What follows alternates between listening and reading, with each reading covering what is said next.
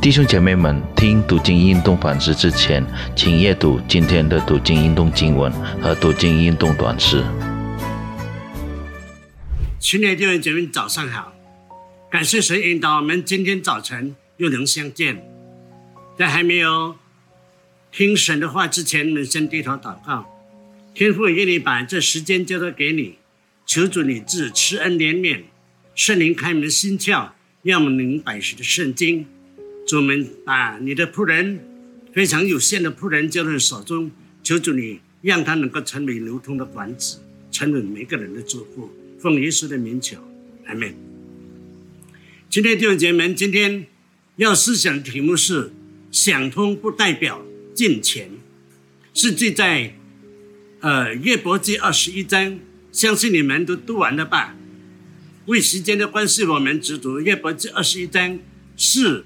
到九节，那么第四节开始这么说：我只是向人诉冤，若是诉冤，为何心灵不交直呢？你们要看作我而惊奇，用手捂口。我每逢思想，心就惊慌，浑身战尽。二人为何存活？想大手术。势力强盛呢？他们眼见儿孙和他们一同建立他们的家宅，平安无惧，神的债也不加在他们身上。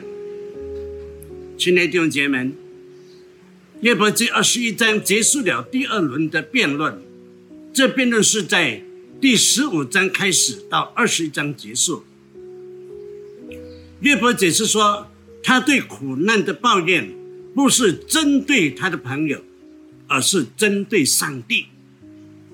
所以在第四节这么说：“我只是向人诉冤，若是诉冤，为何心灵不交直呢？”这证明他不是在针对人，而是针对神。若我们的焦点放在人，就会。受到他们的影响，但若把焦点放在上帝，就会蒙神给我们的赐福。约伯认为他的朋友们给他的安慰是空洞的，因为他们所说的与约伯在世上所看到的不符合。约伯看到的是二人在罪恶中享受祥通，直到年老。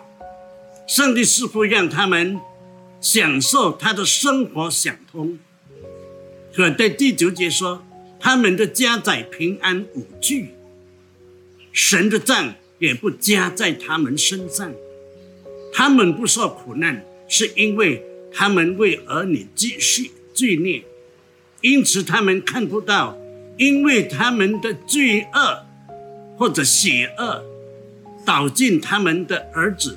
在他们死后受苦，所以约伯的朋友的意见，他们将上帝的公义解释为人蒙福之不义的人受苦，是与约伯所见的事实不符合。作为上帝的子民，不愿被诱惑，像恶人一样。生活致使他们似乎没有得到使他们受苦的真法，但是他们的子孙又可能承受后果，而他们却没有机会悔改，就面临最后的审判。所以，当上帝给他的子民机会来醒悟他们的错误时，不要。拖延，恳求上帝饶恕并悔改，这是今天每一个人当尽的本分。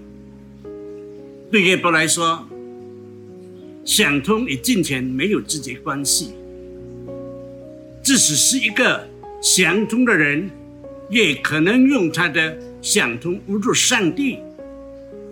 尽管二人可能享受想通到老。二人甚至可能看不到苦难，但越不坚信恶人的想通，仍然有上帝的主权来决定。因此，越伯不要跟随他们的道路。作为一个虔诚的人，越伯希望那些侮辱上帝的人被上帝征伐，使他们觉悟并悔改。生活相中的我们，不要傲慢自大，且认为自己是进钱的。因为想中不是千进钱的标记。如果你的生活是丰富的，那并不意味你过着正义的生活。不要觉得比那些生活不想通的人更虔诚。如果你蒙上帝大大的祝福，也就意味着你有更多机会侍奉上帝。和别人，亲爱的弟兄姐妹们，让我们今天大家都考虑思想一下：你是否以用你得到的祝福来侍奉上帝和侍奉他人？我们低头祷告，天父，感谢赞美你。今天你再次用你的话来教导我们，让我们实在成为一个真正悔改的人，使到我们在你面前蒙恩。也让我们使用我们从神那边得到的恩典，我们来侍奉上帝和侍奉别人。